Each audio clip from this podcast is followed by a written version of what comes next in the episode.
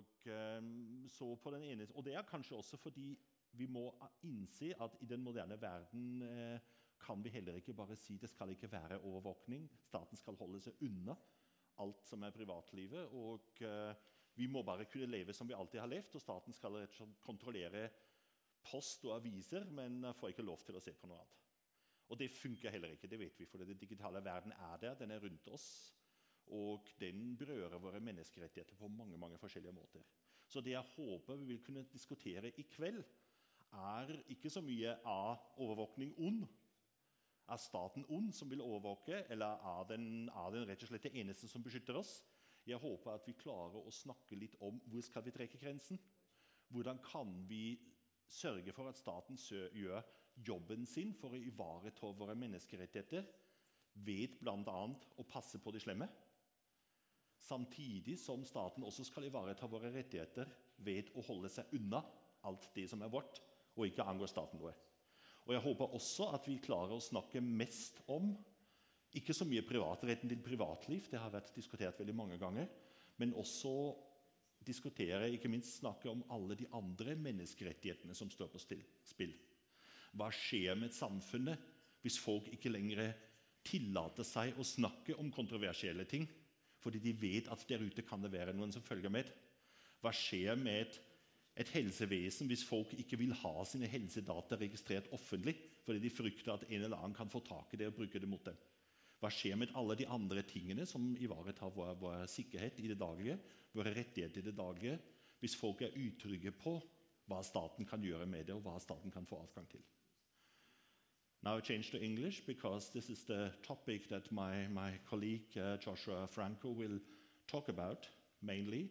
Joshua is part of Amnesty's uh, technology and human rights team, which also tells a bit about how important technology has become for human rights work. Uh, technology is a human rights team that works with everything from designing uh, software that helps human rights defenders to protect themselves against surveillance, to finding out, trying to influence laws, uh, discuss with governments, influence international protection, against uh, government interference with uh, human rights. And also, of course, the state's responsibility to protect against attacks from third parties. Um, and Joshua is actually a technology and human rights researcher, and he has done um, been part of investigations in, in, in, in several countries and looked at how does surveillance and the knowledge that there is surveillance out there actually influence the human rights situation and the human rights culture in different places in the world. Please, Joshua.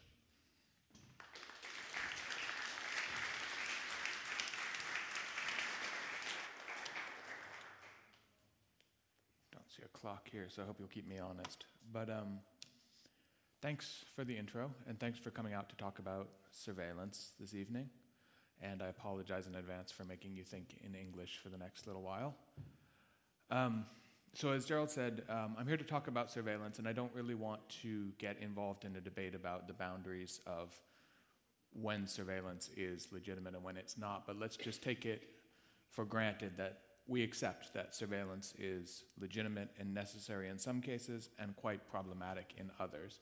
What I want to talk about is the problematic bit. Um, and the way I've been asked to address that tonight uh, is by talking about what human rights are impacted by surveillance other than privacy? That was the prompt I was given. Um, and I think it's a really good question. And the reason I think it's a really good question is because privacy is not a concept that really motivates a lot of people. Um, it's a bit abstract. Not a lot of people really know what privacy means. Um, we don't agree on it anyway, that much is clear. Um, so, as an example, and just to get a sense of who I'm talking to and who spends their Thursday night listening to a talk about surveillance, how many people in this room, by a show of hands, think surveillance is a massive problem for human rights and they are a little bit scared of surveillance? Hands up. And how many people in the room aren't worried about it? Don't think it's a problem? Okay, we got one honest person, too. Great. Um, and why?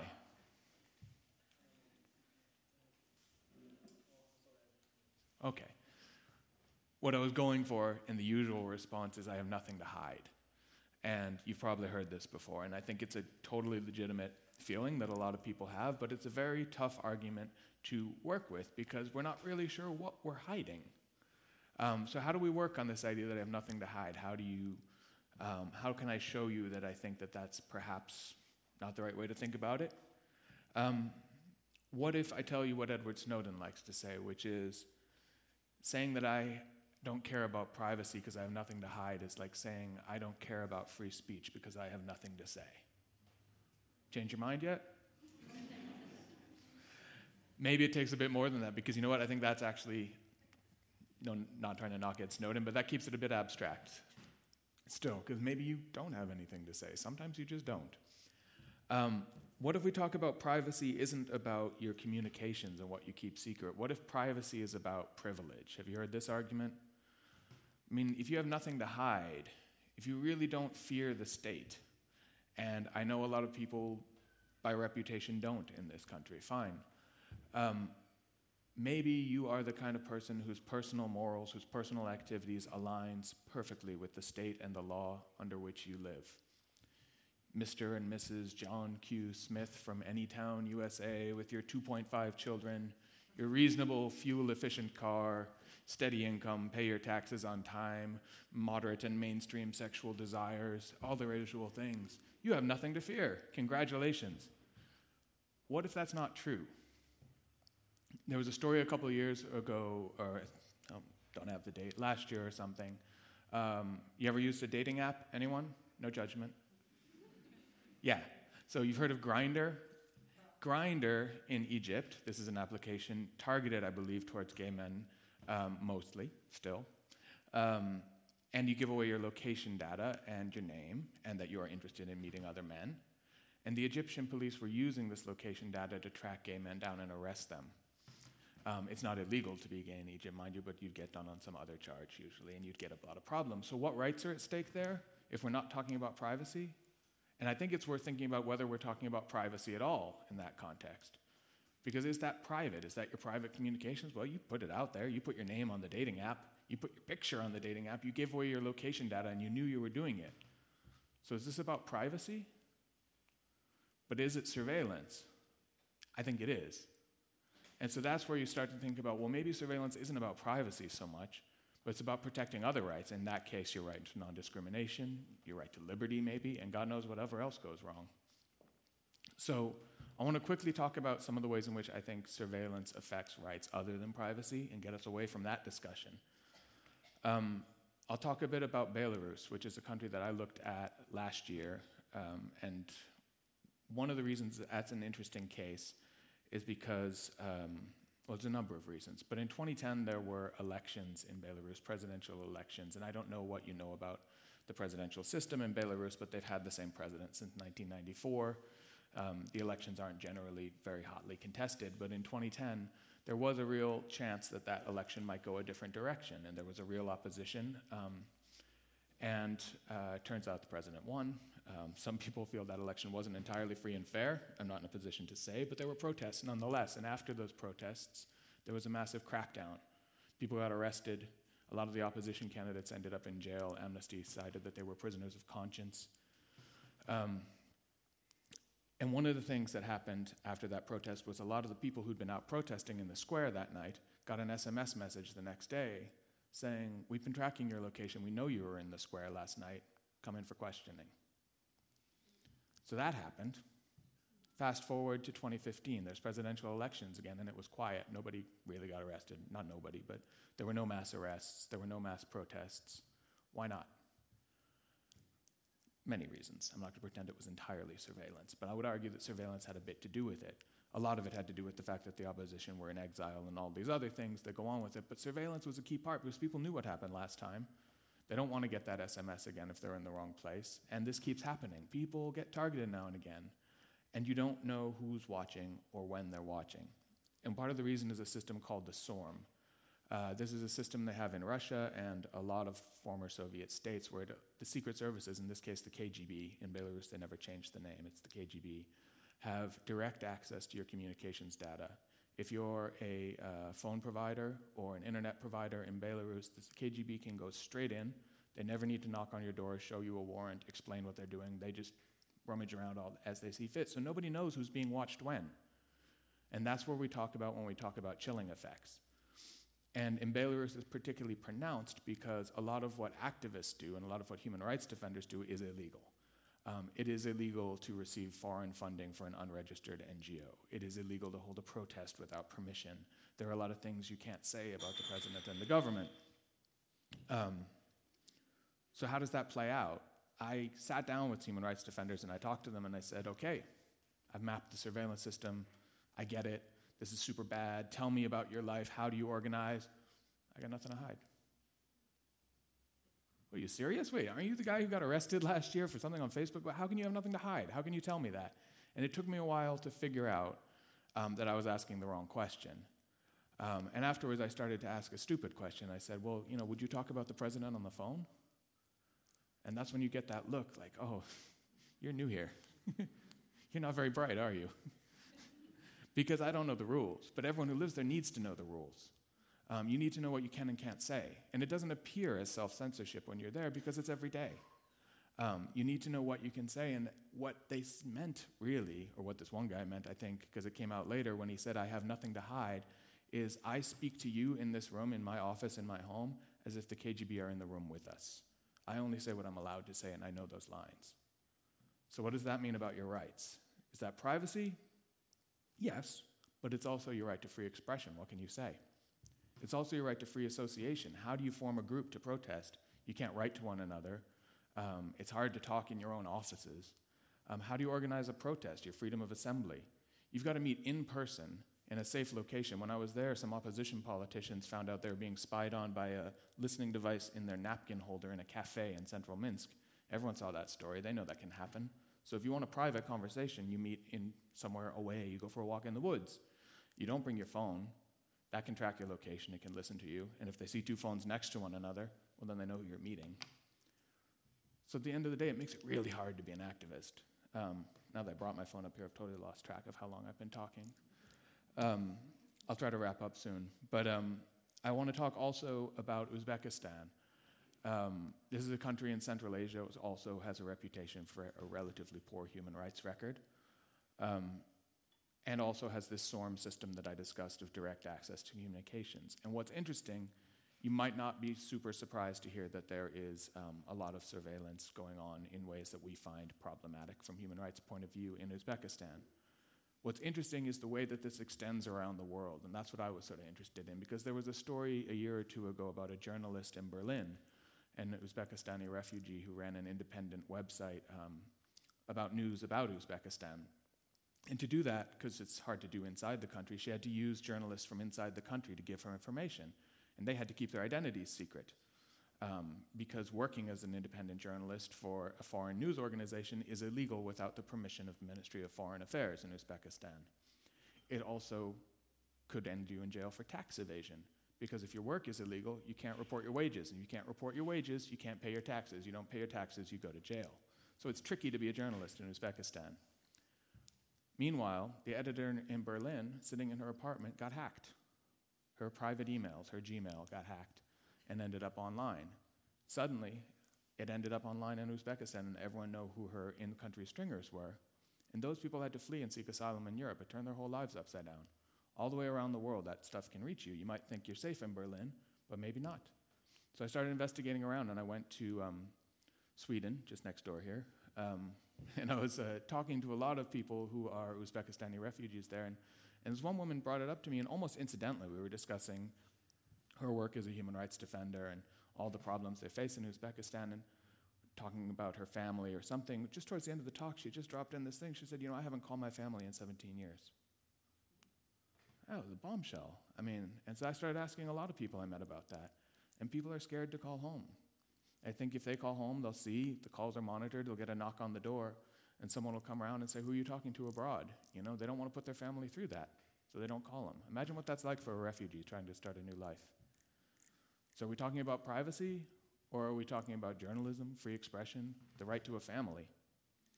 There's a lot at stake. I have a feeling I should skip my section on the UK. Um, I'll cut to the chase. Um, briefly, you know, Amnesty in the UK, I'll give you the short version.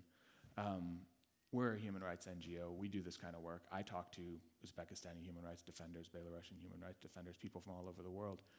We had a ruling uh, last year, the year before, from the Investigatory Powers Tribunal, uh, which is the uh, court ish body that oversees the intelligence services in the UK. Um, interesting how they did it, too. Uh, we brought a case with uh, several human rights organizations around the world asking, Have you been intercepting our communications? Um, and they won't answer that question. They won't tell you whether they've been intercepting your communications, but they will tell you if they've been intercepting your communications in violation of their own rules, which they said they had on one occasion. Not most of the groups, but one, the Egyptian Initiative for Personal Rights, which was one of our co plaintiffs in the case, they said we we did violate our own rules as to how long to retain that data. Our apologies. But everyone else, if we intercepted your communications, we did it legally. Trust us. Then a few days went by, and Friday at about 5 o'clock, we got an email from the tribunal saying, Our bad. There was one typo in that judgment. When we said Egyptian Initiative for Personal Rights, we meant Amnesty International, but everything else is fine, as you were. Um, so that raises a lot of questions. You know, what's the harm there? Um, we can't know what they have, why they had it, whether they still have it, who they shared it with. Have we suffered any direct consequences? No, I'm not in jail. But how do I convince the next person I talk to to trust me? What steps do I have to go through to say I can keep your information safe, it won't get back to your government? I don't honestly know that vis a vis some old government. I take a lot more precautions now than I used to. I think we all do. Um, but we got to think about how we trust, how we protect our information. Um, that's about human rights advocacy, that's about freedom of association. And I think where I want to leave it is just looking at my own country, the United States, a bit, um, some of the trends that are emerging there in terms of surveillance and technology and big data. We're seeing a lot of um, private industry getting involved in this field. There's a massive field of spyware and malware vendors. They sell uh, very invasive spy tools to governments around the world. Um, some companies do this quite responsibly for solving crimes. Some do it rather irresponsibly, selling to governments that use them to repress human rights. Um, we don't know a lot about this industry. Uh, there's some regulations in Europe, hopefully, that will um, have some impact, but in general, we don't know a lot about who's selling to what. In the US, there's a lot of people buying this equipment. There's a lot of people buying all kinds of surveillance tools. And my favorite story about surveillance lately you may have heard of a story about a man named Freddie Gray in Baltimore. He was killed by the Baltimore Police Department, and there were protests afterwards. Those protests, um, which took place over the normal uh, number of nights, some of which were violent, but mostly not, um, there was someone, one of these plane spotters online, noticed that there was a plane circling over the protests and that in a weird pattern and started digging around. And someone, fig- pardon me, someone figured out that was the FBI they're videotaping these protests. The Federal Bureau of Investigation, that's our federal law enforcement agency. Um, and there was a lawsuit, and they released the video, and we're now able to watch what they were filming. Interesting. Why were they filming a protest, right? Then it gets weirder. Someone figured out there were two planes. What was that second plane doing? And nobody knew. And this investigative reporter figured it out. This was a Baltimore Police Department plane. Except it wasn't an official Baltimore Police Department plane because they hadn't paid for it, so they didn't have to report it to the public. It was secret. Um, this plane was also spying on the protesters, and the reason they didn't pay for it is because it was funded by a private donor in Texas, a billionaire who had made his money at Enron, just to make it the perfect conspiracy, and was using that money to fund private surveillance of uh, protesters in Baltimore, which is generally a uh, poor community of color in the Northeast doesn't have a lot to do with this white Texas billionaire. Um, that was weird enough. Then, turns out the police on the ground were using a technology called Geofeedia. This is a private company. Again, there's a huge market for this stuff. And what this does, it's social media monitoring. Is that surveillance? Is that privacy? We don't know. You put stuff on social media. How could that be private? Right? It's like someone watching you walk down the street. Well, what if they follow you down the street every day, all the time? Is that about surveillance? Probably. What Geofeedia did, and we know this because someone got their brochures and they were bragging about doing this, um, is they could track the social media feeds of the people in the protests give them to the cops, who can then run it through their facial recognition database and figure out, according to Geophedia, who had outstanding warrants so that those rioters could be arrested. Well, if you're rioting, why do you need all the toys? Just arrest the rioters, right? Um, it seems to me that this actually probably, and I don't know, I'm speculating here, was aimed at you know figuring out people who had had encounters with the justice system previously, which in poor minority neighborhoods is overrepresented. And if you happen to be in that situation, you're going to have more uh, interactions with law enforcement, and that can be used against you to pull you out of a protest and take away your right to speak out. I find that problematic.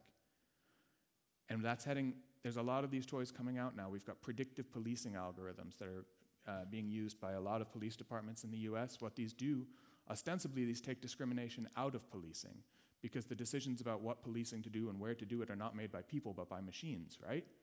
But there's been studies that have shown that actually, when you feed in existing discriminatory policing practices into these databases, what you get is more discrimination. Guess what? Garbage in, garbage out.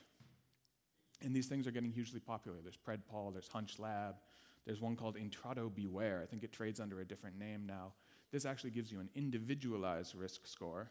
I'll be done in 30 seconds.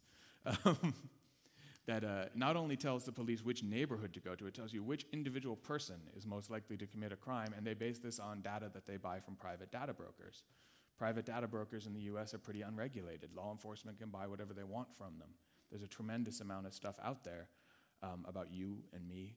Um, uh, if you use American based servers, that's probably true as well, your Facebooks and all that. Um, so, that, coupled with all the biometric data that they have, the facial recognition software, which again is becoming pervasive, there are massive databases of faces that the police in the US have. Um, in those databases, people of color are overrepresented because they're overrepresented in the justice system. And facial recognition software disproportionately gets it wrong in identifying people of color. Um, so essentially, this is all software that lends itself towards further targeting of people of color in the American justice system. Um, couple that with things like your number plate readers that keep a record of where you're going. Um, couple that with things like ShotSpotter, which is a technology that listens for gunshots to alert the police in high crime neighborhoods. Those microphones, though, they're always on. They can be used at trial. You had a conversation in front of them, that can be evidence. Um, there are even smart light bulbs that people are starting to talk about that can record the, uh, the vicinity of the light bulb from a street light in which they're used. So I'm looking at this stuff and I think there's a potential for um, massive impact on entire communities.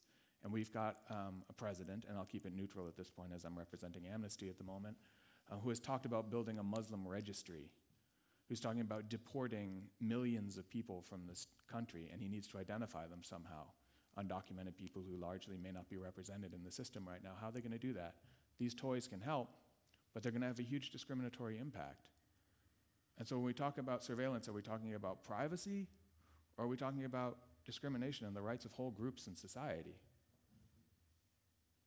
So I'm done, but I just want to leave, you know, we started out saying, uh, that my prompt was what rights are implicated other than privacy?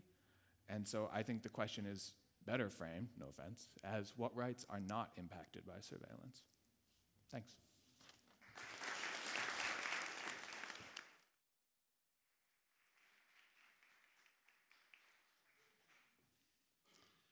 Thank you very much, Joshua.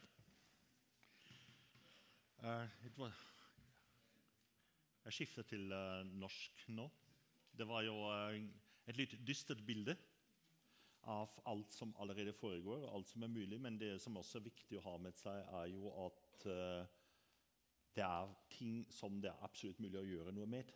Særlig i de landene hvor det er mer frihet. Og Det er også derfor vi har denne diskusjonen i kveld. For å finne ut hva skal vi tillate, hvor skal vi sette ned foten og definere grensen, slik at slike ting ikke kan skje, og den type profiling både i Norge og i mange andre land ikke forekommer.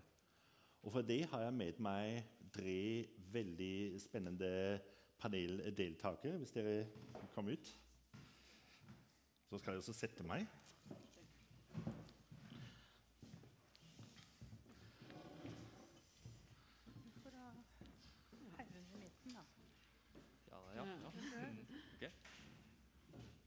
Jeg har med meg i kveld, og jeg begynner nærmest meg, Ina Lindahl Nyrud, som er eh, fra Norsk Journalistlag, som også er eh, jurist med et eh, ekspertise i medierett, og som har i det siste gjort en veldig viktig innsats med å jobbe med et kildevern i forhold til også rettssaker som har vært i Norge, og, sånn, og utfordrer også det norske systemet for å definere hvor, eh, hvor man må rett og slett ta vare på, på både journalistenes friheter, men også retten til å snakke med pressen.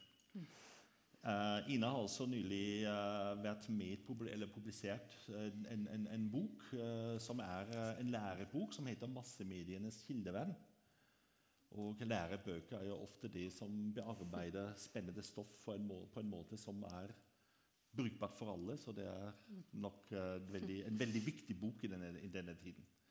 Så jeg har med meg Jostein Hole Kobbeltvedt, som er eh, lederen i Raftostiftelsen. Raftostiftelsen er jo mest kjent for Raftoprisen, som mange sier er litt sånn eh, Hvis ikke den hemmelige Nobels fredspris jeg vet Det er det sånn, det skal vi ikke se her inne. Det fins bare én Nobels fredspris. Eh, men som er blitt kjent for å av og til gi prisen til de som senere får Nobels fredspris. Um, og det gjør de fordi uh, Raftostiftelsen jobber jo først og fremst med å fasilitere, støtte menneskerettighetsforkjempere over hele verden.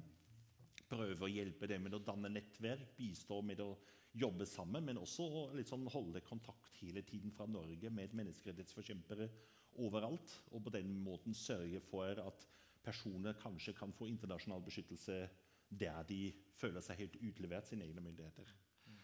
Eh, og ikke minst har jeg med meg uh, Inger Marie Sunde, som er her i to funksjoner.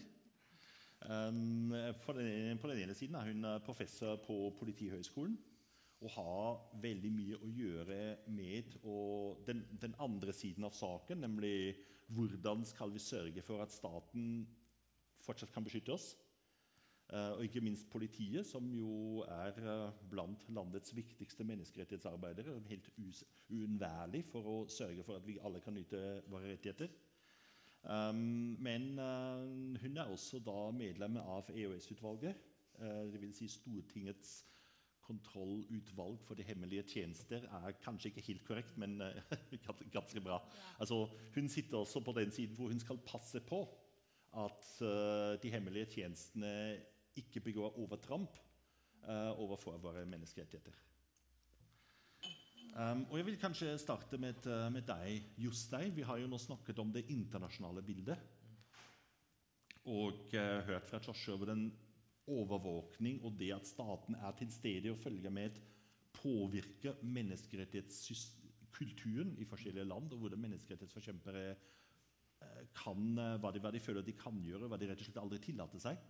Um, og det er jo litt sånn du også sitter midt inni. Du snakker med mange av disse folkene som da på forskjellige måter må også lære å ta vare på seg selv. Uh, nettopp fordi de vet at staten følger med. Mm. Tusen takk for invitasjonen til å være her. Um, bare sånn at For å si, si litt hvor jeg kommer fra, så er jo Raftostiftelsen Vi deler ut Raftoprisen hvert år. Det har vi gjort i I fjor var det tre- 30. året. Eh, så vi har delt den ut til 30 prismottakere fra 28 land.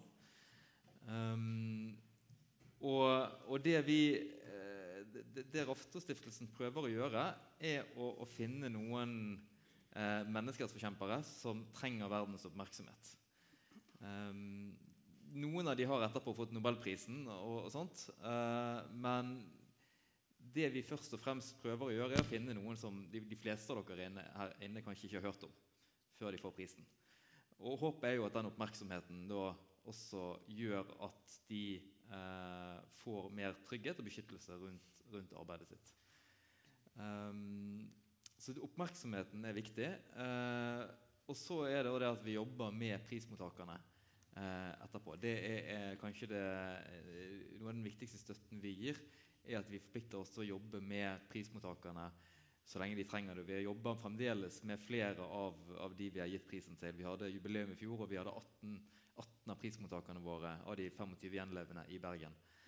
Um, og, og det er klart at eh, for oss så påvirkes vi av overvåkning på mange måter. Um, For det første så er det klart at, at vi, vi, er jo også mener selvfølgelig at, at, overvåkning Du trenger overvåkning i en, i et, uh, i, et, uh, i en stat og en, en, uh, demokrati. Ofte Av og til trenger du overvåkning for å beskytte menneskerettsforkjempere.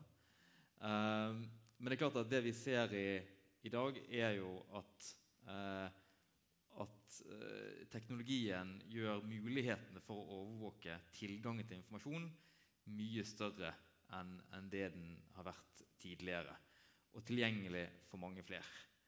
Um, og, og, og, en av de tingene vi uh, en av de tingene vi helt konkret må forholde oss til, er det at når vi har en, vi har en priskomité som, som, prøver å identifisere verdige mottakere av Rafteprisen, Eh, vi får inn nominasjoner. Vi, eh, eh, vi gjør research på, på, på, kandidatene. Vi snakker med og har kontakt med, med folk rundt for å, for å, få informasjon, danne oss et bilde, for å gjøre en best mulig vurdering. Um, både nominasjonene som kommer inn, og, og, og, referatene fra de møtene er klausulert i 60 år eh, for innsyn. Og det er en grunn til det. For vi, fordi vi er helt avhengige av at eh, den informasjonen vi får inn, at folk tør å nominere, men at også diskusjonene rundt kandidater eh, er eh, det ikke er innsyn i. Også fordi at vi vet at de diskusjonene og de elementene som kommer inn der, kan bli brukt imot menneskerettsforkjempere. Uh, uh, ulike steder i verden. Uh, så det å jobbe med digital sikkerhet det er en, av, en ting vi, vi, jobber ganske mye med nå. Uh, og digital sikkerhet handler da både om den tekniske siden av det, men det handler også om hvordan vi rett og slett snakker, kommuniserer, oppfører oss med tanke på at eh, vi må ta for gitt at hvis noen ønsker å finne informasjon, så kan de gjøre det. Så det er en sånn direkte konsekvens for oss. Eh, men så ser vi også at det har eh, store konsekvenser for de vi faktisk jobber med. Det er de som har størst konsekvenser for prismottakerne våre og for deres nettverk.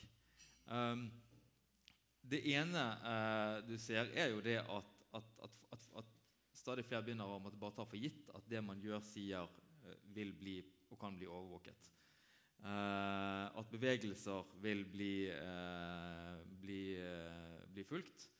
Ehm, vi har en, en av våre vår rafteprismottakere fra 2014, Agora, som er en russisk uh, menneskerettighetsadvokatgruppe. De kom ut med en rapport her for et par uker siden som viser at eh, mellom 2007 og 2015 så ble det ble av russiske, russiske rettssystemet ble innvilget 4,5 millioner eh, tillatelser til å overvåke samtaler eller kommunikasjon mellom folk. Hvis du da tar inn at dette her er også disse, har, disse det, Her er det noen som ringer eller sender nedpost, noen som mottar. Så beregner de at omtrent 8,5 millioner eller 6,5% av den russiske befolkningen har vært eh, overvåket i dette tidsrommet. her. Og Dette er målrettet overvåkning. Eh, dette er ikke bare sånn eh innsamling av generelle data. Um, jeg tror vi, det, og det vi, det vi, også ser, er, er, at den trenden du har, er på den ene siden så har du myndigheter som på, på en måte prøver å begrense tilgangen til teknologi og Internett for aktivister. På den ene siden så prøver myndigheter å legge, komme med lover, ofte under en sånn type eh, antiterrorismelover eller andre ting, som prøver å begrense, prøver å sette inn eh, eh, Begrensninger på kommunikasjon, stoppe kommunikasjon mellom aktivister, gjør det vanskeligere å organisere seg, slå hardere ned. Så det er på den ene siden. Samtidig som du får eh, myndigheter kjøper teknologien eh, til å, eh, å, skaffe seg teknologien for å kunne overvåke stadig mer. Um, og, og det, vi, eh, det vi gjerne ser hvordan overvåkning brukes, er at det kommer i kombinasjon med andre eh, andre tiltak. Um, sånn at, og, og, noe av det du, det du en, en, av de liksom, typiske tingene veldig mange menneskerettsforkjempere vil møtt med i dag, er svertekampanjer. Ulike måter å prøve å eh, ødelegge ryktet til menneskerettsforkjempere. Eh, og det å bruke detaljer fra privatlivet eh, kan være en ting. Eh, det å, å, å, å, komme opp med koblinger til utlandet eller andre ting, eller bruke for å vise at dette her er, eh, er, er, er eh, dårlige borgere, og bygge opinionen mot dem. Der brukes overvåkning ganske, ganske effektivt. Og, og, dette kommer en sånn blanding av ofte direkte vold, trusler, svertekampanjer eh, og, og, overvåkning. Så det, det, er liksom, det, er liksom, bildet vi ser, eh, kombinert med at det blir vanskeligere å organisere seg. Så Jeg kan bare begynne med det, men det er liksom noen av, av, de, eh, noen av de tingene som vi ser på med stor, stor bekymring. Takk skal du ha. Um Ina-Lina uh, Nyrud, uh, vi har jo uh, altså, Journalistene, altså Pressefrihet står jo helt i, i, i kjernen også av utviklingen av menneskerettighetene. Mm. Og det er jo altså Særlig i mer demokratiske eller friere samfunn er det jo mm. ikke minst også media som, som ivaretar menneskerettighetene i ganske stor grad. Og er helt uunnværlig for, å, for å at, at, at befolkningen kan delta i styringen av, av landet. Hvordan, eh, fra, fra, fra, din side, hvordan påvirkes det av en, av en situasjon hvor uh, personer må være mer forsiktige med å snakke med journalistene, fordi de vet ikke hvordan det eventuelt kan brukes til mot dem senere? Mm. Da har jeg lyst til å besvare dem og sette fokus på eh, overvåkingens utfordringer for eh, kildevernet. Um, altså journalisters vern om anonyme kilders identitet og um, i visse situasjoner også vern av upublisert materiale. Uh, dette er såkalt privilegert informasjon og ansett som selve grunnfjellet i journalistikken. Uh, og Enkelte her vil kanskje hevde at dette er et litt sånn snevert fokusområde, all den tid uh, overvåkingen dreier seg om å beskytte liv og helse. Men innføringen av nye overvåkingsmetoder handler om demokratiet vårt og samfunnsfriheten vår. Og kildevernet er nettopp en menneskerettighet. Og I kjølvannet av eh, at EU-domstolen i 2014 konkluderte med at datalagringsdirektivet var ugyldig fordi det eh, ville innebære et for omfattende inngrep i, i, respekten for personvernet, så nedsatte regjeringen et ekspertutvalg som skulle utrede hvilke tilpasninger som eventuelt er nødvendig for at en fremtidig lagringslov ikke skal krenke menneskerettighetene. Eh, og ekspertene tok kildevernet så på alvor at de i usedvanlig klar juridisk tale konkluderte med, og jeg siterer Problemene med i det hele tatt å skille ut privilegert informasjon fra det materialet som utleveres av de lagrede kommunikasjonsdata, er forhold som i seg selv trekker i retning av at datalagring ikke kan gjennomføres uten å komme i konflikt med menneskerettighetene. Uansett må det legges til grunn at uten at man etablerer ordninger som kan sikre dette på en betryggende måte, vil en lagringsordning ikke stå seg. Slutt. Og da er det altså slik, som, som nevnt tidligere, at Etter 11.9.2001 så har Norge innført en rekke antiterrorpakker. Og lovgiver har, har altså i betydelig grad utvidet myndighetenes mulighet til å bruke kommunikasjonskontroll og annen form for overvåking.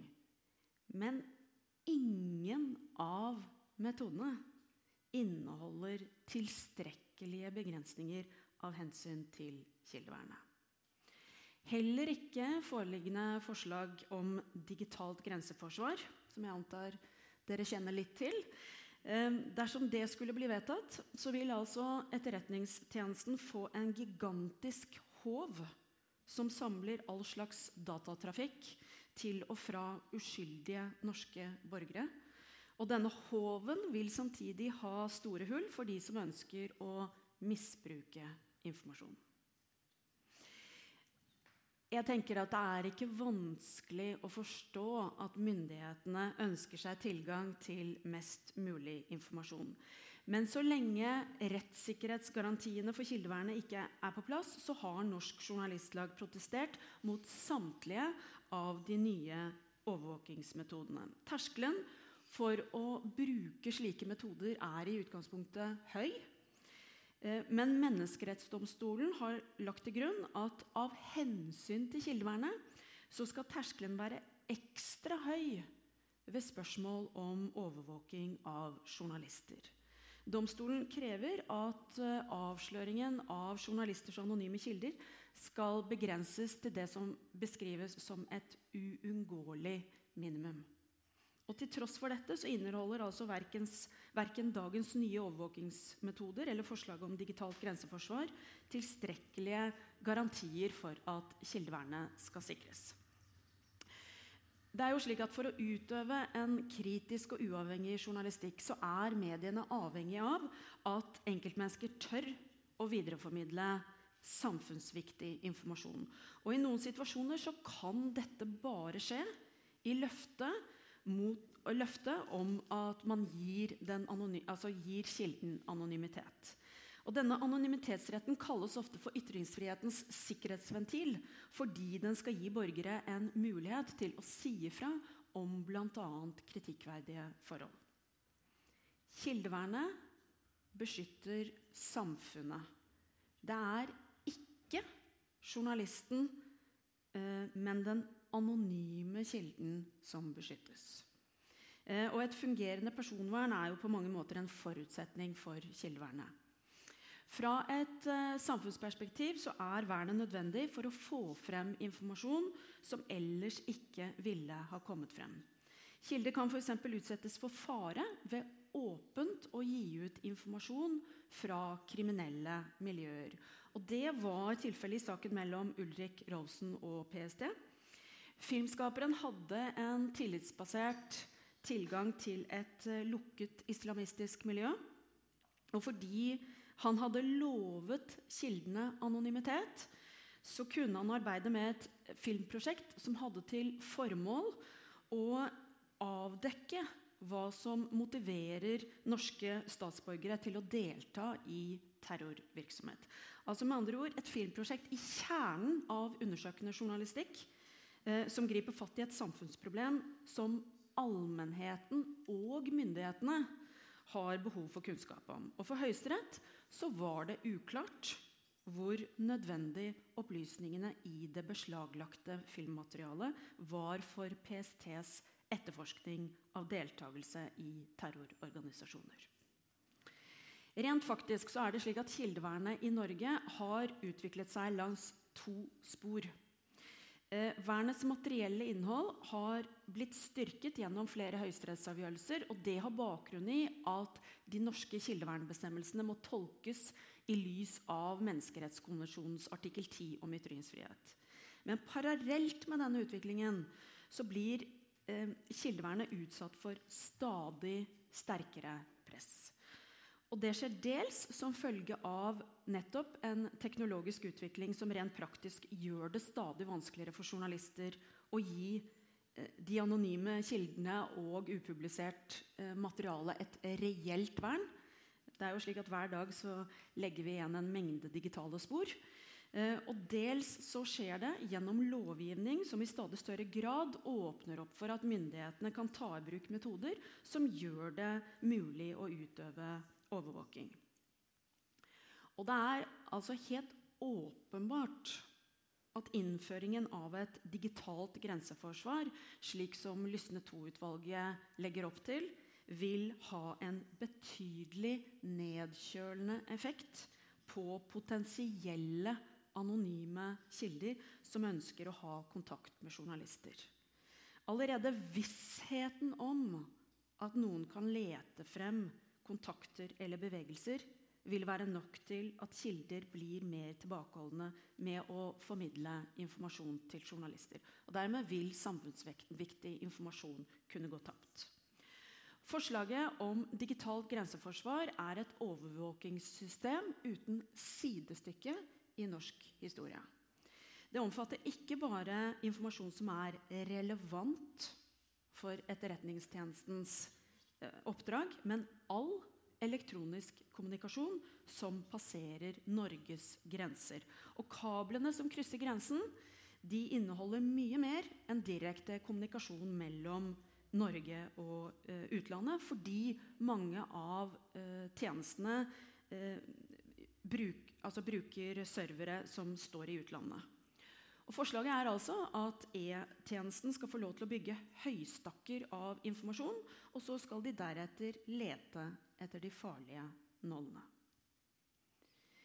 Det vil innebære en massiv overvåking av så vel metadata som innholdsdata fra digital kommunikasjon. Med forslag om å overvåke innholdsdata så går altså eh, Lysne 2-utvalget lengre enn datalagringsdirektivet.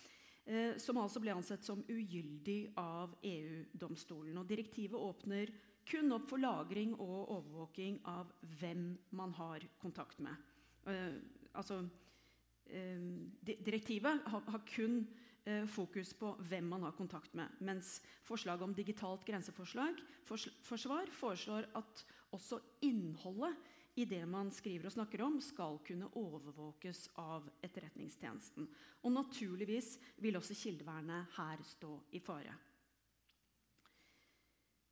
Eh, det er jo da slik at Ulike filtre, en særskilt domstol, et eget tilsyn og til slutt da EOS-utvalget skal kontrollere at det ikke skjer noe ulovlig.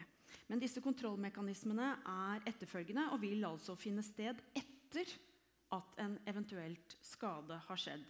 Og Likeledes så gir de altfor vide fullmakter til å kunne fungere som effektive barrierer mot muligheten for urettmessig utnyttelse. Og data vil også kunne bli brukt til andre formål enn først tenkt, når de likevel er innsamlet. Eh, vi kan komme tilbake til eksempler jeg har eventuelt på, på eh, der myndighetene har allerede gått over streken. Eh, det kan vi kanskje ta Jeg ser at du viser høflig på klokken. Så da tar jeg disse groteske eksemplene etterpå. ja, takk. Tusen takk.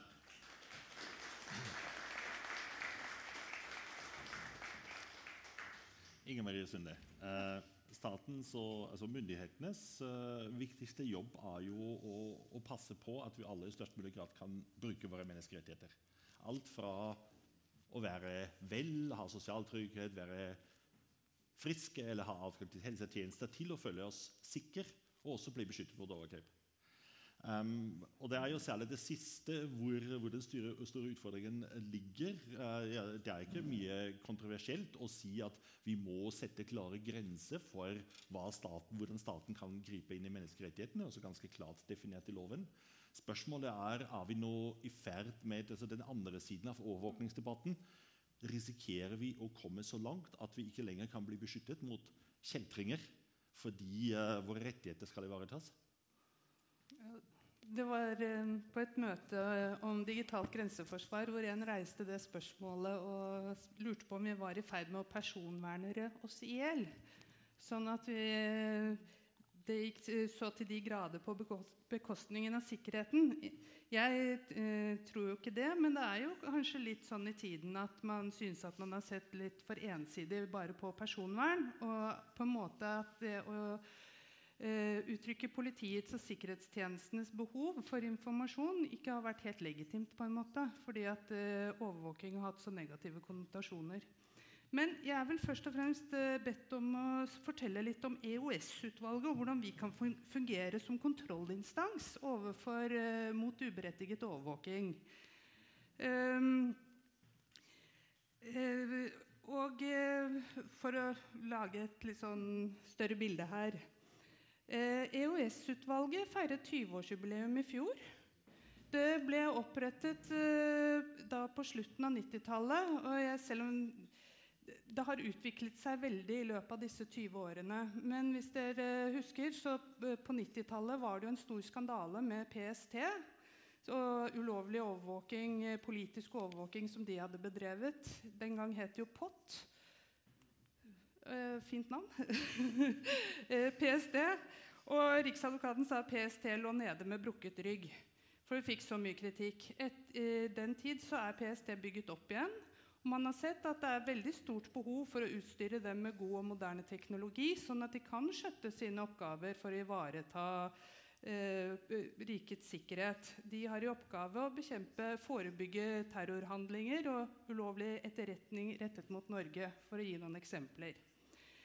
Eh, men når man gir en instans eh, lov til å bruke hemmelige eh, hemmelige metoder, altså inngrep i privatlivet som ikke gjøres kjent for den det går utover, så må man ha en kontroll på det.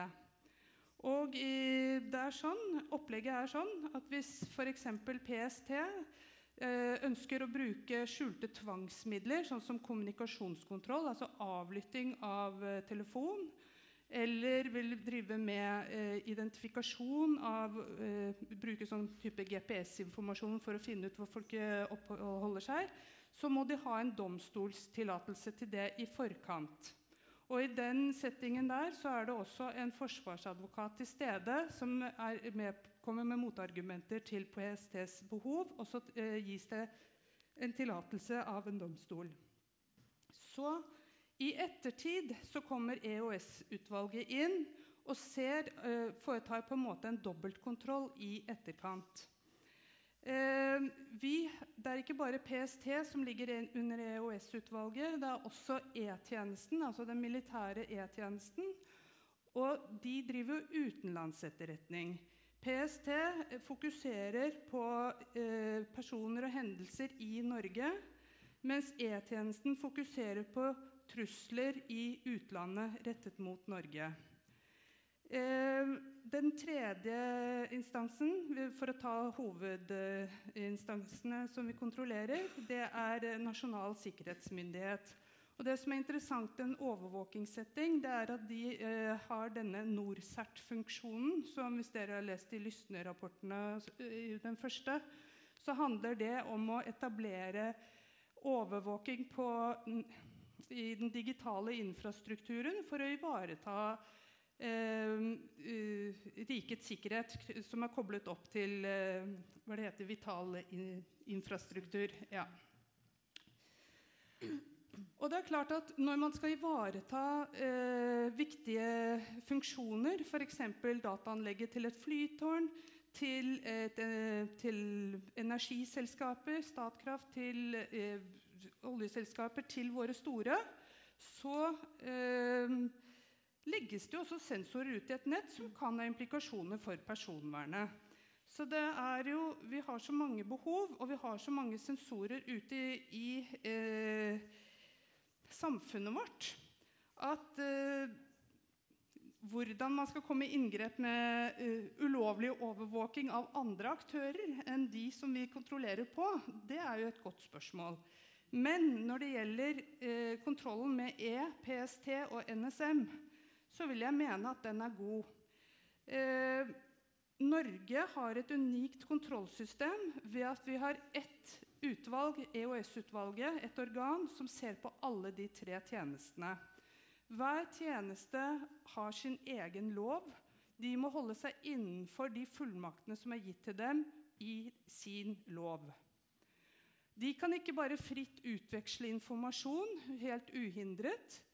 De kan bare utveksle informasjon som de har lovlig innhentet på sitt mandat, og som, et, et konkret, er, som er eh, forankret i behovet til en samarbeidende tjeneste.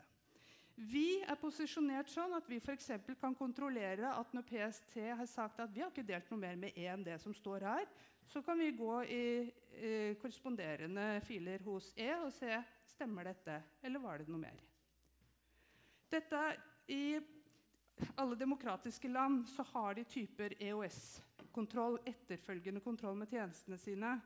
Men de er typisk organisert slik at en, ja, det er to ting som er spesielt for oss. Det ene er at man gjerne har ett tilsyn for hver organisasjon. Så du vil ha ett tilsyn for Ikke for én normalt, vil ikke ha noe tilsyn, for de får lov til å operere i utlandet. Du vil ha et for PST, du vil ha et for, for eh, tilsvarende NSM.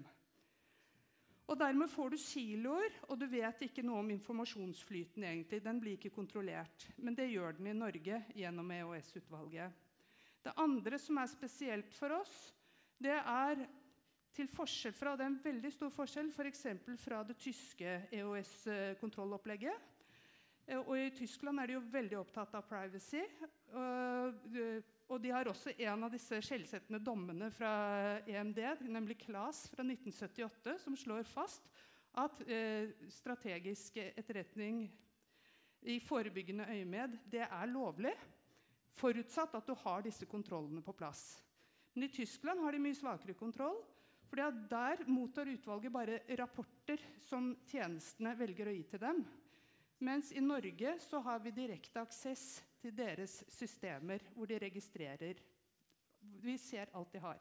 Så vi er jo uh, klarert for Cosmic Top Secret. Og, kan, og, det er jo selvfølgelig forferdelig viktig at uh, Ja.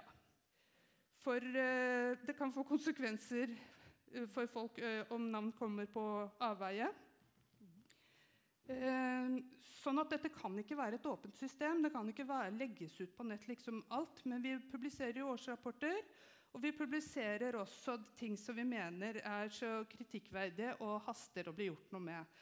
Da skal jeg bare runde med å si hva vi har hatt inne fra i fjor. En, vi har stilt spørsmål ved E-tjenestens eh, lov. Den sier bare at de skal drive etterretning i utlandet og ikke i Norge. Men det der problemet med mobilkommunikasjon og folk som drar inn og ut av landet, gjør den der loven veldig lite egnet i dag. Og vi har sagt det er nødvendig å få dette regulert bedre. Det har vært politisk kontroll på E, men ikke rettslig kontroll. Domstolskontroll. Og Vi mener at de hjemlene der må avklares, og det har Stortinget hørt oss med. Og de har gitt pålegg til regjeringen om å lage en ny, utrede behovet for en ny lov for E.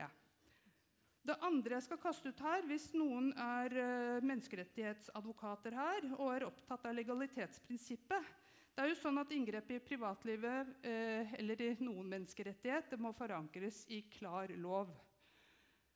Vi har eh, i fjor fått innført hjemmel for politiet til å drive med dataavlesing. Det er ikke bare PST, det er også det vanlige politiet hvis de f.eks. har organisert kriminalitet. Dataavlesing er en måte for til å registrere alt innholdet på en datamaskin ved å implementere en trojaner på den datamaskinen. Så Det står jo klart i loven. Loven er klar i den forstand at den sier at dette kan man gjøre, gjerne ved bruk av trojaner. Men den sier jo ikke noe om hvordan du skal gjøre dette på en sikker måte. Det er ikke utredet i forkant hvordan kan dette overhodet gjøres uten å eksponere personvernet til den personen som blir utsatt for dette. Og hvis jeg da tar et apropos til Joshua, som fortalte at amerikanske tjenester eksporterer eh, programvare til bruk for tjenester over hele verden, så kan vi kjøpe et sånt dataprogram. Og så kan vi bare bruke det på, mot en mistenkt i, siktet i Norge. Og så kan jo norsk politi tro at alt er i orden, og vi har jo hjemmel i loven.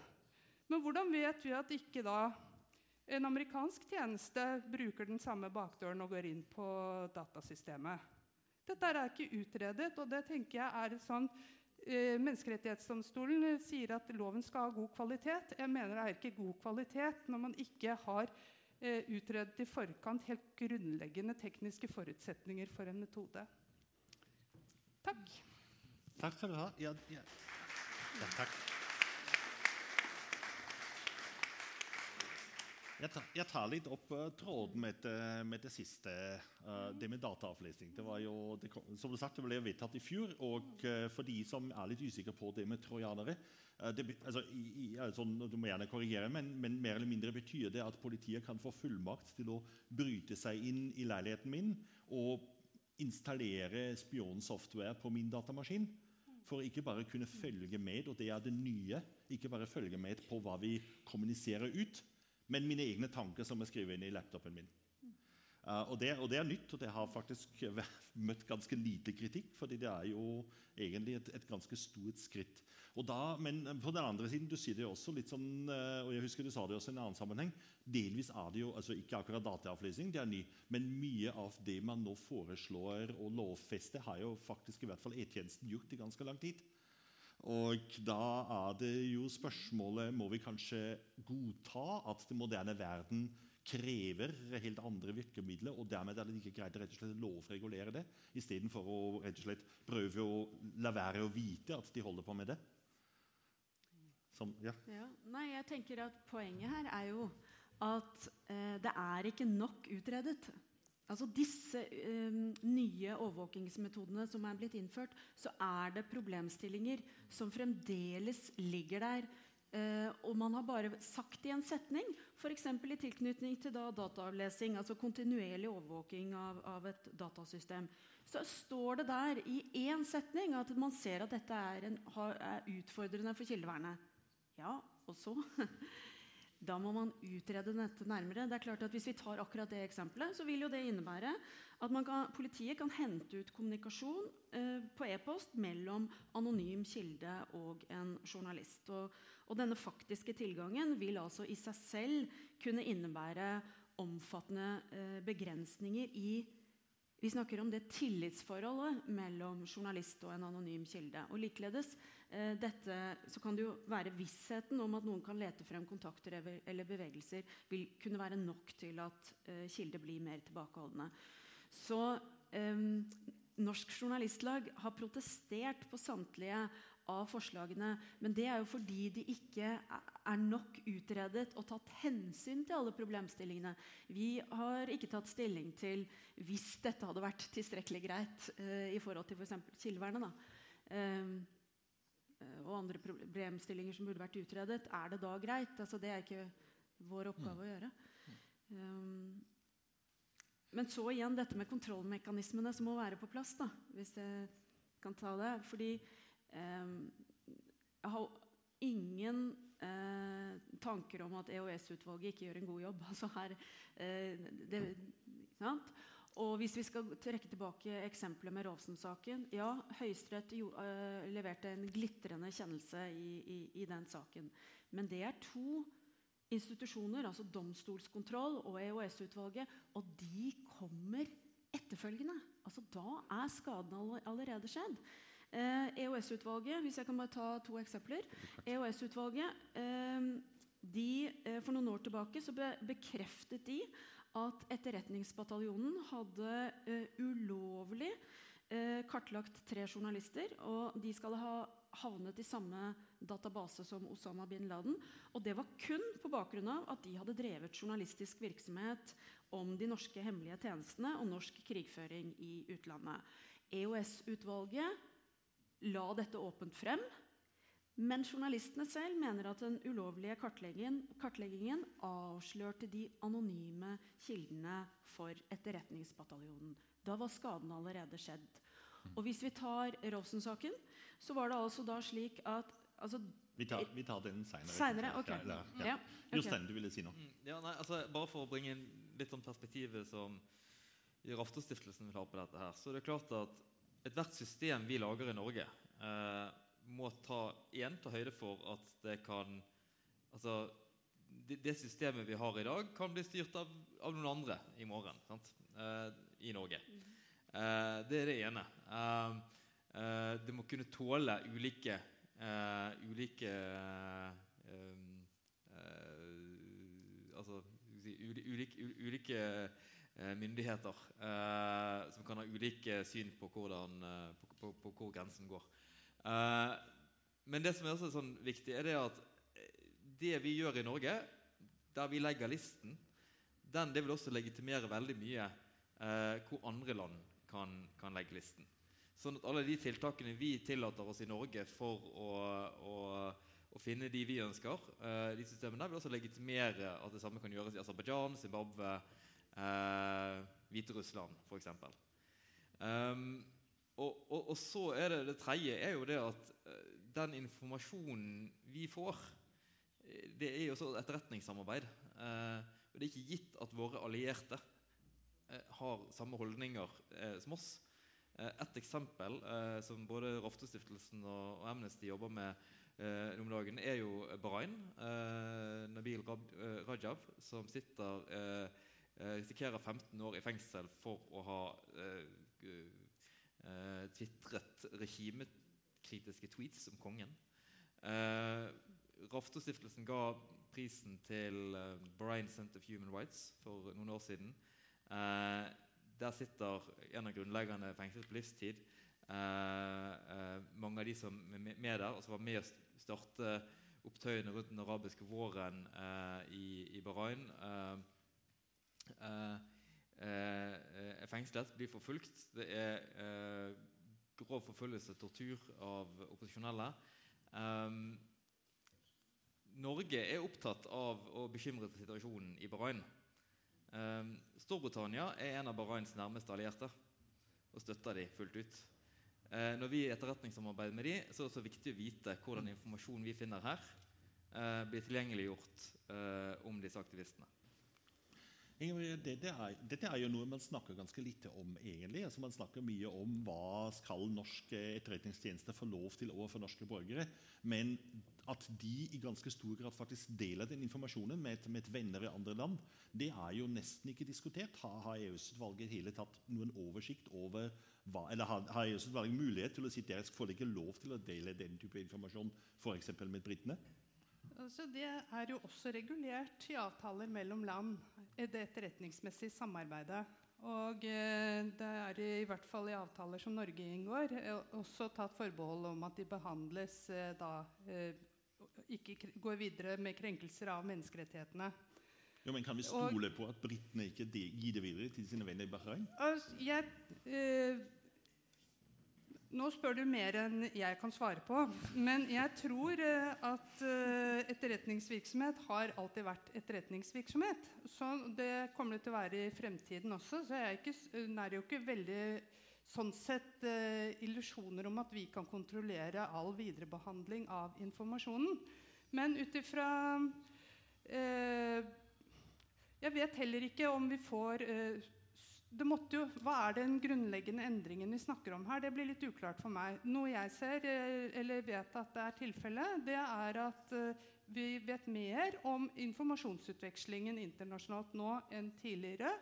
fordi at nå er det mye mer logger, system, eh, etterrettelighet på det. Så det er mer kontrollerbart.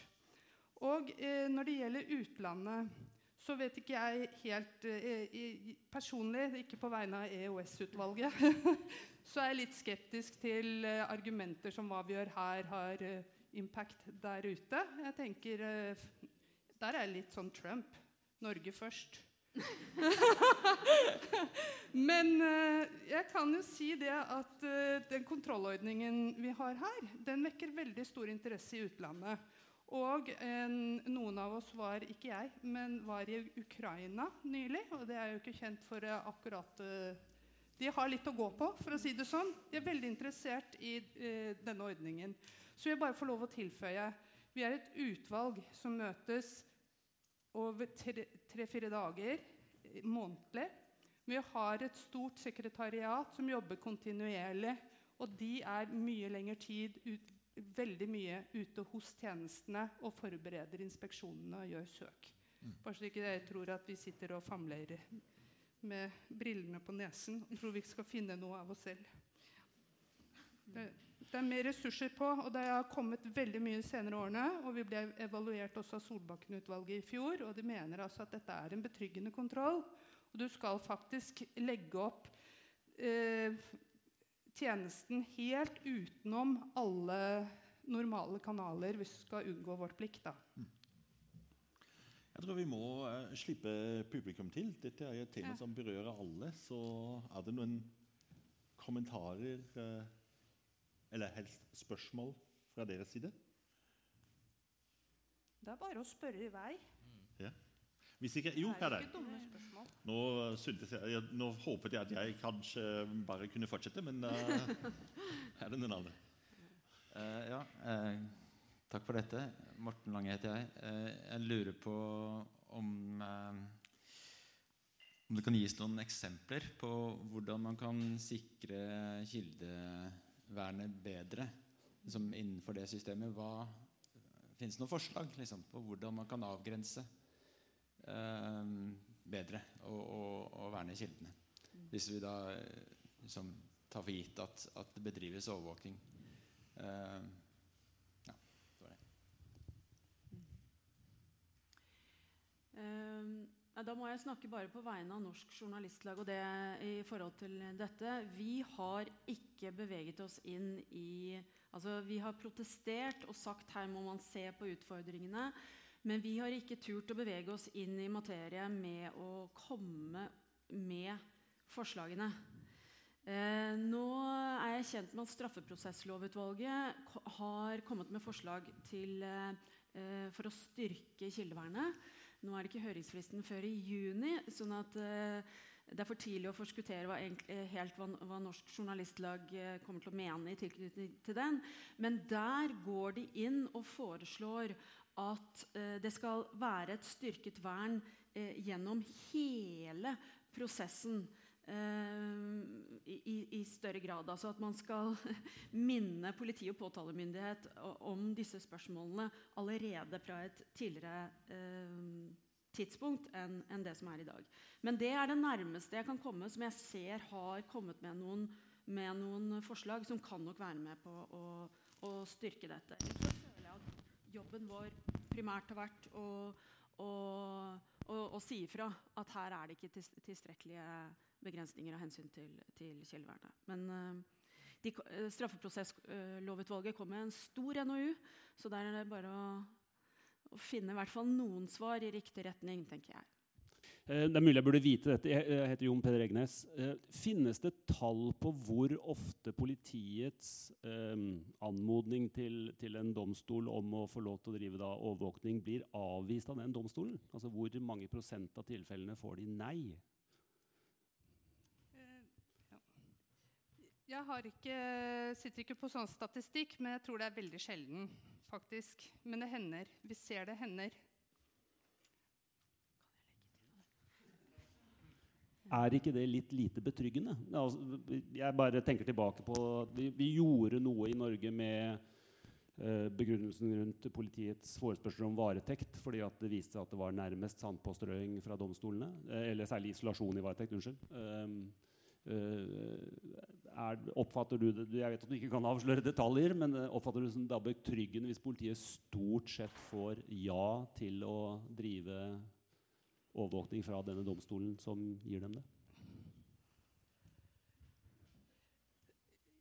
Det er et spørsmål som er litt vanskelig for meg å besvare. Men jeg tror man må gjøre, for å mene noe ordentlig om det, så må man gjøre en analyse på eh, antallet individer det gjelder også. Det Ja. Det uh, ligger litt i sakens natur, og det er også reflektert i lovverket, at hvis du etterforsker en handling som er begått, så vil du sette inn tvangsmidler relativt kortvarig. Fordi at du vet mye om Du har en inngang i saken allerede. Mens eh, PST har i oppgave å forebygge at eh, terrorisme faktisk inntreffer. Og da må de jobbe lengre tid i forkant. Og da må de jo innrette seg systematisk eh, i forhold til det som man mener er truslene. Du ville si noe til det? Ja, det er, et, det er jo et snevert svar da, i forhold til det du spør om. Eh, fordi at eh, jeg har faktisk gjort en liten eh, research når det gjelder mm. politiets bruk av og da i vid forstand, altså tvangsmidler, da, uh, i forhold til kildevernsaker. Og da er det slik at i samtlige av kildevernsakene vi kjenner fra nyere tid, så foreligger det prosessuelle feil. i, i det minste. Altså De har ikke fått nei, men prosessuelle feil i, i måten politiet har gått frem på. Og Da kan jeg nevne Viksvenn-saken. Eh, det var en sak eh, som gjaldt Radio Orakel. Eh, det var en ransaking og beslag av skuldervesken og notatblokkene til en Dagbladet-journalist i sikkerhetskontrollen i Oslo tingrett. eh, forsøk på ransaking hjemme hos en journalist og i redaksjonslokalene til avisen Hordaland. Og nå sist, sist hvis jeg da får lov å ta denne Ulrik Rasen-saken eh, Den har jeg nemlig veldig lyst til å få sagt. Fordi det er slik at eh, lovverket vårt som jo jeg sa er egentlig for så vidt godt på dette området. Den sier at for at politiet ikke skal få adgang til anonyme kilder før domstolen har vurdert spørsmålet, så skal journalistisk materiale som beslaglegges i henhold til loven, forsegles på stedet i lukket konvolutt i nærvær av en representant for besitteren. Og Under rettsforhandlingene i Rosen-saken så kom det frem at PST først forseglet konvolutten med den beslaglagte minnebrikken ett døgn etter ransakingen.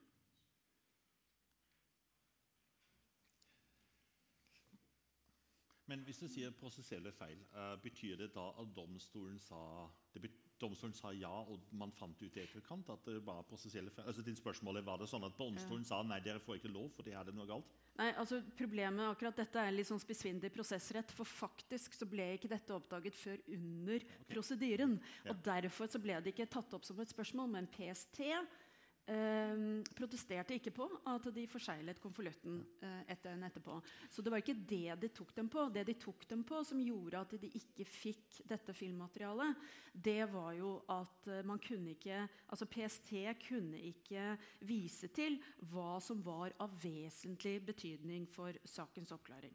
Fordi Det er jo et ganske viktig spørsmål, egentlig. Vi har jo da, du, du var inne på, vi har hatt ganske mange antiterrorbestemmelser siden 2002.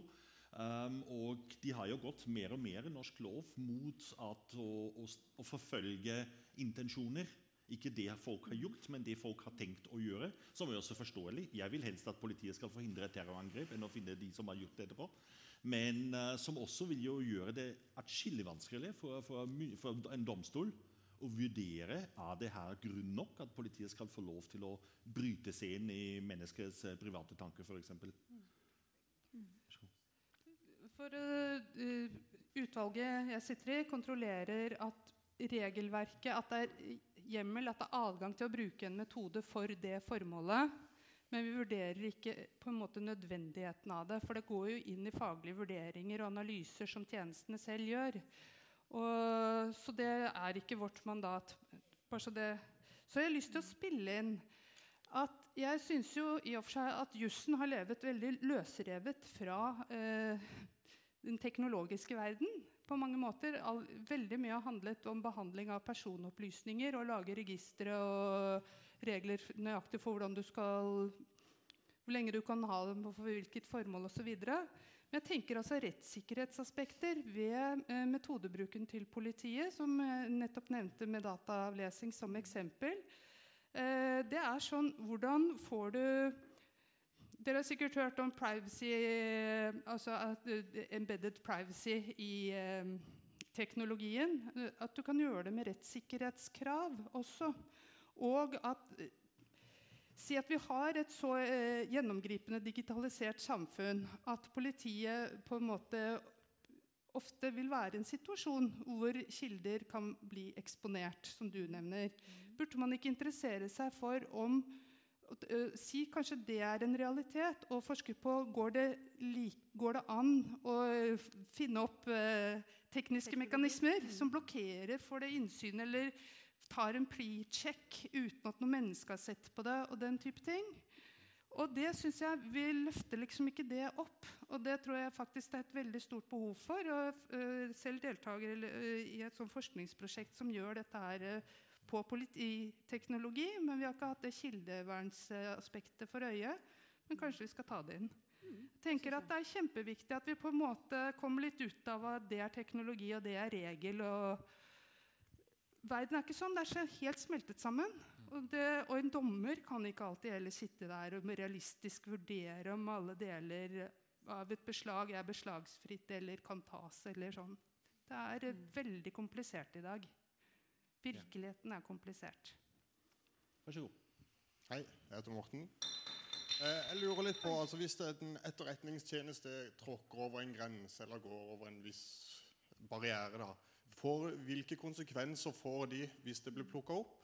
Altså får de, får de en smekk på lanken og så ikke gjør det igjen, eller er det, skjer det noe konkret? Eh, Det kan jo være en, en enkeltperson som går over en grense, eller det kan være en instanse. Så hva, hva skjer videre når det blir oppdaga? Vi rapporterer til Stortinget. Vi er jo oppnevnt eh, av Stortinget for å være en vaktbikkje overfor regjeringens utøvende tjenester. Og eh, hvis eh, noe slikt blir eh, oppdaget, så starter vi en dialog. Eh, altså vi, eh, det er en skriftlig dialog for å ha etterrettelighet på det. Og så sier vi at vi har funnet det. Hva mener dere om dette? Er dette riktig forstått, eller hva? Og så får de komme med sine eh, synspunkter. Og hvis vi gjør funn da, som dette her er i strid med regelverket, da beskriver vi det som et funn i årsmeldingen, og det blir rapportert. Men da vi må jo ta det ned fra, ja, i en form som gjør at det kan rapporteres. Det vi erfarer, er at eh, selvfølgelig tjenestene liker ikke dette. Og den E-bataljonssaken du sa, var jo veldig ubehagelig for, for dem. Um, de har blitt mye mer profesjonelle, og de sier at de syns det er egentlig bra med kontrollen, for det hjelper dem til å på en måte stramme opp eh, og finne Ha riktig fokus, da. Respektere regelverket. Men det er en voldsom drive på og utvikling på dette som har med personregistreringer og slikt å gjøre. Og det er noe som både systemer og mennesker må trenes opp i for å få til å fungere godt. Men vi opplever at de ønsker å drive lovlig. Og de tar kritikk veldig alvorlig og prøver å rette på det. Vi, ja, du vil legge til noe? Jeg vil bare legge til også i diskusjonen her, for Vi snakker jo mye nå om, Ja. om myndigheter og Ja. E-tjeneste og politi. Ja. Uh, men det er klart at, at kanskje noe av det som eh, det virkelig store skiftet innenfor overvåkning, er jo også altså, det er alt vi snakker om big data. Og at dette er jo nå uh, også uh, eh, informasjon som er, eh, kjøpes og selges av private aktører og samles inn. Eh, og kan eh, kjøpes av valgkampmaskineriet til Trump, som vi vet eh, det har blitt gjort. Men det kan også kjøpes av stater som ønsker å bruke det mot opposisjonelle, mot kritikere, mot menneskerettsforkjempere. Og, og jeg tenker, Her er det et område som jeg tror vi bare liksom begynner liksom å ane konturene av. Altså det er, har lest noen rapporter om, om, om, om hvordan altså en del av disse selskapene kan eh, finne din som personlighetsprofil eh, basert på eh, 68 likes på Facebook. Eh, men det er gjennomsnittet de trenger for å finne en personlighetsprofil. Altså om du er ekstrovert, introvert, eh, liker å snakke i forsamlinger eller ikke. Um, eh, de mener også det at hvis du har eh, 150 likes eh, på ulike ting du har likt, så, så kan de finne din profil som treffer bedre enn det dine foreldre ville gjort. Eh, og dette er bare litt for eksempel for å vise litt hva slags type informasjon som ligger der ute når du samler alt det vi har. Der kan det være andre ting vi må se på. Altså vi vet at Disse firmaene har det litt lettere i USA, der du må eksplisitt si nei til at informasjonen din blir brukt hvis du trykker på disse her tingene på nett. Mens i Europa så må du, eh, eh, du eksplisitt si ja til at informasjonen kan bli brukt. Sånn at du får et, Bare den type regler kan også påvirke litt hvor, hvor, uh, hvor mye det kan påvirkes. Men jeg tenker at det er også litt viktig i denne debatten også når vi snakker om uh, menneskerettsforkjempere ute i verden uh, som blir overvåket, er at dette kan også være informasjon som kommer fra private, og ikke nødvendigvis etterretning, som tross alt i Norge, er da har denne type regulering her. We have to round up, I think. Um, ja, vi, vi, vi nærmer oss slutten. But uh, I want I want to do um, now I'm speaking English because I, I have something I would like to ask my colleague Joshua, and by that way, in that way, also sneak in that Amnesty gets the last word.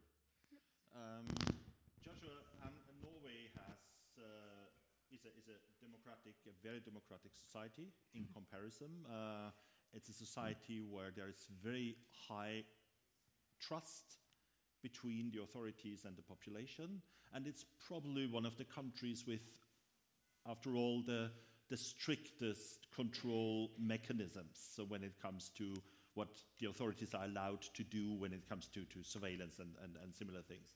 Uh, shouldn't we have, uh, shouldn't the Norwegian authorities be allowed to do more than, for example, the authorities in, in, in Belarus? Because we can trust them that they use the powers to protect us and not to uh, violate our rights? Uh, well, I'm not sure if that's how I'd put it. Um, I think rather you would trust your government more because they don't do the things that the Belarusian government do. Um, it's not really a privileges question, in, in my view. Um, I think there are there's law that exists um, that there's a tendency when we have these debates because the technology is new and the technology is scary to have this debate as if it's um, terra nulla. This is the first time we've had this debate, but the courts have spoken on this to some extent. The European Court of Human Rights has spoken on this a number of times, including at the Grand Chamber. The EU Court of Justice has spoken on this. Um, and we've looked at what it means for human rights. So, you know, I'm perfectly happy for states to exercise their surveillance powers responsibly. Um, combating terrorism, combating uh, child abuse, these are all legitimate functions of a state and things which, in fact, they have to do to fulfill their human rights obligations. Um, but don't go beyond what's allowed. You don't get a special pass just for being good. um, I think the reason you want to have laws in place is, um, as I think you were saying, you never know who's going to take the reins of power tomorrow, and you should draft your surveillance laws to protect you against the worst government you can possibly imagine, because that's what's going to protect you in the end. Ja, og at uh,